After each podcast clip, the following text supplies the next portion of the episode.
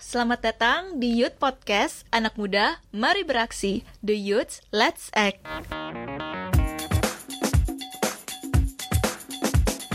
Aku Hari, host kalian hari ini. Agak kareba, kumaha damang, piye kabare, apa kabar teman-teman di seluruh Indonesia? Semoga kalian sehat selalu dan tetap semangat ya Nah, ngomong-ngomong, kalian tahu nggak sih kalau jumlah anak muda di Indonesia itu hampir seperempat dari total populasi di Indonesia. Bisa dibilang jumlah penduduk usia muda di negara kita jumlahnya besar. Coba kita bandingin deh dengan Jepang yang kondisinya jauh beda sama kita karena populasi usia mudanya sangat sedikit, sementara populasi penduduk usia tuanya lebih tinggi. Akibatnya, Jepang sekarang ini ngalamin yang namanya darurat tenaga kerja. Nah, kita bersyukur banget dong negara kita punya populasi anak muda yang besar. Dan keterlibatan anak muda bekerja sangat penting nih buat pembangunan bangsa. Karena itu, sebagai anak muda, kita harus berani bermimpi, punya visi dan impian. Mungkin ada yang bilang, anak muda yang punya privilege enak, mereka bisa dengan mudah dapetin apa yang mereka mau.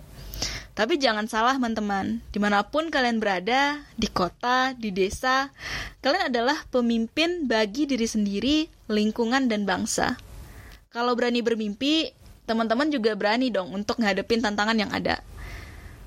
Nah, karena itu kuilah sambil kita nyantai, belajar, olahraga, tiduran, apa pun itu, simak dulu nih cerita salah satu teman muda kita dari timur Indonesia buat menginspirasi dan memotivasi kita semua. Yuk kita simak.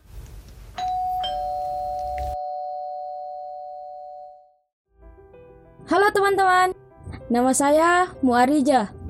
Biasa dipanggil Ija. Umur saya 18 tahun. Saya dari Desa Bontomanai, Kecamatan Lakbakan, Kabupaten Pangkep. Saya lulus dari sekolah kejuruan menengah tahun 2019 dari SMK Negeri 1 Pangkep. Dan inilah awal saya masuk ke dalam dunia kerja. Beberapa bulan setelah lulus, ada beberapa lowongan pekerjaan yang ditawarkan kepada saya, tetapi saya menolaknya karena jarak yang terlalu jauh dari, dari tempat tinggal saya. Ya, dan akhirnya saya menganggur selama beberapa bulan. Pada akhirnya, suatu hari ada tetangga saya yang menawarkan untuk mengikuti pertemuan yang dilaksanakan oleh ADS atau Aliansi Desa Sejahtera. Di saat itu, saya cuma sendiri perempuan dari desa saya di pertemuan itu. Saya dipertemukan dengan anak muda dewa desa lainnya. Tapi saat itu bisa dibilang saya anak yang tidak bisa bertemu dengan orang banyak. Saya orangnya pendiam dan paling susah untuk diminta pendapat oleh siapa pun. Di pertemuan itu, kami semua membahas tentang potensi-potensi yang ada di desa kami masing-masing. Dan saat itu saya paling tertarik dengan spanduk yang bertulisan mudah berdaya berkarya.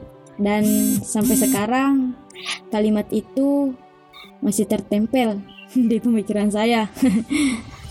Singkat cerita, setelah pertemuan itu, saya ditawari untuk mengikuti suatu pertemuan di Makassar bisa dibilang saat itu saya ingin menolak tawarannya.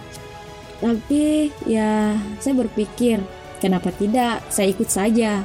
Ikut saja toh saja eh tambah pengalaman dan ilmu.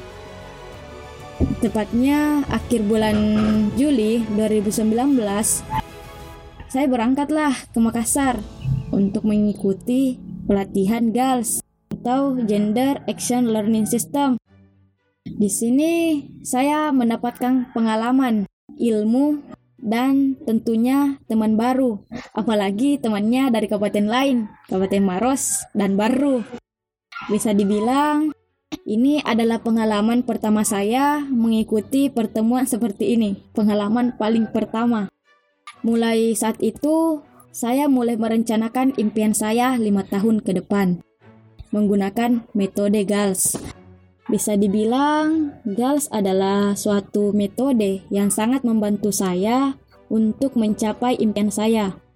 Setelah mengikuti pertemuan itu, saya mulai berpikir untuk melakukan hal-hal yang sudah saya rencanakan. Visi saya untuk menjadi seorang wirausaha. Namun, ya ada tantangan yang saya hadapi, terutama izin dari kedua orang tua untuk aktif berkegiatan. Meskipun begitu, saya yakin untuk maju. Saya harus mengubah situasi yang ada saya harus gigih meyakinkan orang tua saya bahwa saya akan menjaga diri saya sendiri. Dan saya menganggapnya sebagai tanggung jawab tanggung jawab yang harus saya jaga setiap kali saya menghadiri pelatihan. Dulu ketika bersekolah, kegiatan saya hanya pergi ke sekolah saja. Orang tua melarang saya untuk pergi keluar dan berpikir itu hanya membuang waktu saya. Mereka cuma menyuruh saya untuk selalu di rumah dan belajar dan belajar. Jadi, saya hanya tinggal di rumah saja. Saya tidak pernah mengikuti kegiatan organisasi apa pun selama sekolah kecuali pada tahun terakhir saya. Namun, setelah orang tua saya melihat perubahan yang baik pada diri saya saat ini, orang tua mulai mengubah pola pikir mereka. Saya juga membagikan metode GALS ini kepada teman-teman saya yang ada di desa tidak hanya ke teman-teman yang perempuan, tetapi juga kepada teman-teman yang laki-laki. Saya senang sekali dapat membagikan ini supaya dapat membantu teman-teman yang lain. Tapi dalam memperkenalkan GALS ini tidak mudah. Awalnya ada beberapa orang yang tidak mau mendengarkan. Mereka pikir saya terlalu muda untuk memberitahu mereka dan berbicara tentang itu. Mungkin responnya akan berbeda jika orang dewasa yang menyampaikannya. Tetapi saya tetap terus lanjut memperkenalkan ini kepada teman-teman saya. Saat itu, sebagian besar teman-teman perempuan saya tidak memiliki tujuan dan impian yang ingin dicapai. Mereka tidak berpikir untuk mengejar karir atau menjadi mandiri. Mereka pikir perempuan hanya tinggal di rumah tok saja. Apalagi kasus perkawinan anak cukup sering terjadi di desa saya. Karena tidak sedikit yang berpikir hidup akan lebih baik jika mereka menikah atau alasan lainnya. Jadi harapannya Gals dapat membantu mereka untuk menentukan tujuan dan impiannya. Dan alhamdulillah ini bisa menginspirasi teman-teman saya, terutama yang perempuan. Sudah ada teman saya yang akhirnya mulai mencari kerjaan juga dan memulai bisnis baru. Kemudian di bulan November, YouTube Desa Bontomana dibentuk. YouTube Bontomana ini fokus mengembangkan ekowisata mangrove yang ada di desa kami. Saat itu, dermaga ini terbengkalai dan tidak ada yang mengelolanya. Jadi, kami inisiatif untuk mengelolanya, menjadikannya tempat wisata. Kami mengecatnya, menambahkan spot foto di bagian sudut-sudut dermaga. Dan mulai saat itu, dermaga Tanah Rajai mulai terkenal dan kami juga sudah membuat karcis untuk masuk ke dermaga. Dan uang karcis yang sudah terkumpul, kami belikan bahan untuk pembuatan spot foto baru. Nah, di YouTube juga kepribadianku diasah terus.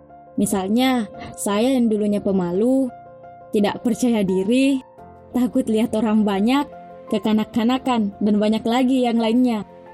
Sekarang bisa dibilang lebih percaya diri dan makin dewasa.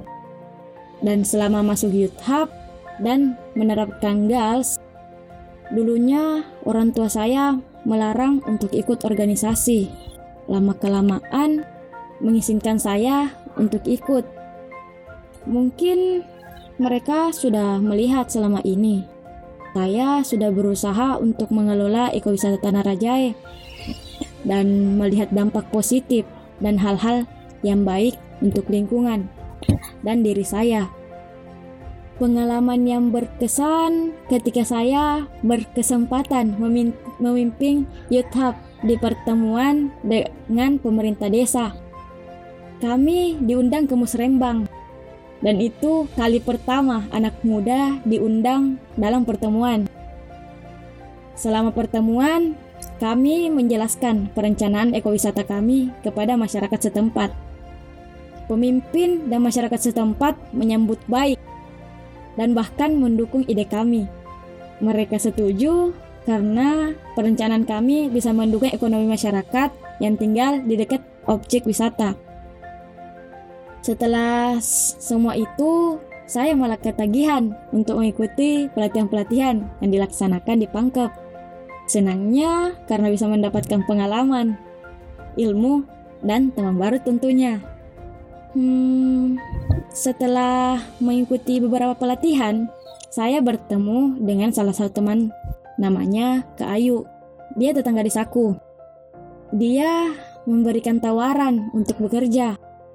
Saat itu memang saya butuh pekerjaan dan dia membutuhkan orang yang memiliki kepercayaan diri yang tinggi, cekatan, semangat, dan dapat bekerja sebagai tim dengannya. Dan saat itu saya langsung mengiyakan tawarannya. Iya kan harus, kan itu satu hal yang baik. Eh, hari pertama masuk kerja sekaligus pembukaan Tokopedia Center di Desa Manaku. Di sana, saya bekerja sebagai konsultan yang melayani pelanggan. Jika ingin membeli barang di Tokopedia, bisa dibilang Tokopedia Center untuk memudahkan warga desa agar lebih mudah untuk membeli barang dan tidak takut jika adanya penipuan.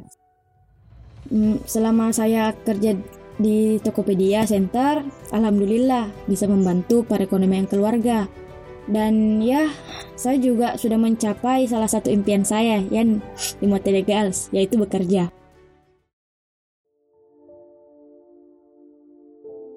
Sayangnya, saya cuma lima bulan di Tokopedia Center karena pandemi corona yang mengakibatkan saya kena PHK. Saat itu perasaannya ya sedih, tapi ya saya harus menerimanya karena saya yakin masih banyak pekerjaan di luar sana, masih banyak hal-hal yang baik yang bisa saya lakukan, dan saya harus selalu semangat. Berbicara tentang COVID, ya kita sudah tahu keadaan sekarang semuanya dirumahkan, sekolah, kuliah, bahkan kerja sudah online semua. Kalau di daerah saya sendiri, banyak masyarakat yang kena PHK dan dirumahkan, dampaknya buruk. Mengapa? Karena ada beberapa pekerja yang jadi pengangguran. Mereka tidak tahu mau kerja apa, dan penjual makanan juga sepi. Salah satunya bisnis saya, bisnis dessert. Eh yaitu Instagramnya ya at abu underscore dessert box. Yang baru saya mulai juga berhenti beroperasi. Meskipun saya harus menghentikan bisnis saat ini masih ada konsumen setia yang meminta saya untuk berbisnis kembali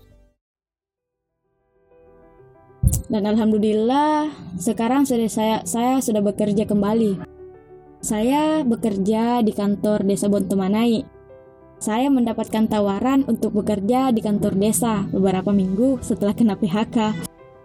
Saat itu ditawari langsung kerja oleh pengganti desa. Entah dari mana mendapatkan informasi tentang saya. Katanya ada orang yang memberikan informasi kepada beliau. Mungkin ini salah satu hal positif dari aktif berkegiatan, karena juga berkesempatan mengenal banyak orang. Menurut saya, beberapa tahun yang akan datang, semua pekerjaan akan sistem digital atau online. karena dijamin teknologi ini semuanya sistem online. Ya entah itu pakaian, ojek, sampai liburan pun bisa online. nah, teman-teman boleh cek Instagram ekowisata YouTube kami di @tanarajae. Untuk kami yang warga desa jika memiliki produk lebih gampang untuk memasarkannya, apalagi karena COVID, jadi harus lebih kreatif. Untuk penggunaan teknologi, ya di pedesaan sekarang sudah banyak yang pakai Android. Tetapi ya begitu, masih kurang pemahaman bahwa teknologi dapat menghasilkan uang. Jadi di sini saya mengajak teman-teman untuk membuat bisnis sendiri dan membuka lowongan pekerjaan, bukan sebagai orang yang mencari pekerjaan. Karena sekarang kita sudah dimudahkan dengan adanya sosmed. Jadi ya ini kesempatan kita untuk memulai bisnis sesuai fashion kita. Semoga cerita saya bisa membantu teman-teman khususnya perempuan untuk membuktikan bahwa perubahan pada diri kita itu dimulai dari pilihan yang kita pilih. Dan saya mengajak teman-teman untuk selalu semangat, jangan takut untuk bermimpi setinggi mungkin Jangan pernah takut gagal dalam mengejar mimpi. Gagal itu soal biasa. Dan ingat, kalian adalah generasi emas, generasi kebanggaan, generasi sukses. Dan jangan lupa selalu semangat. Jadi diri sendiri, selalu bersyukur dan jangan pantang menyerah. Oh iya, jangan lupa pakai masker, jaga kebersihan, dan jaga kesehatan ya. Ayo, anak muda berani bermimpi.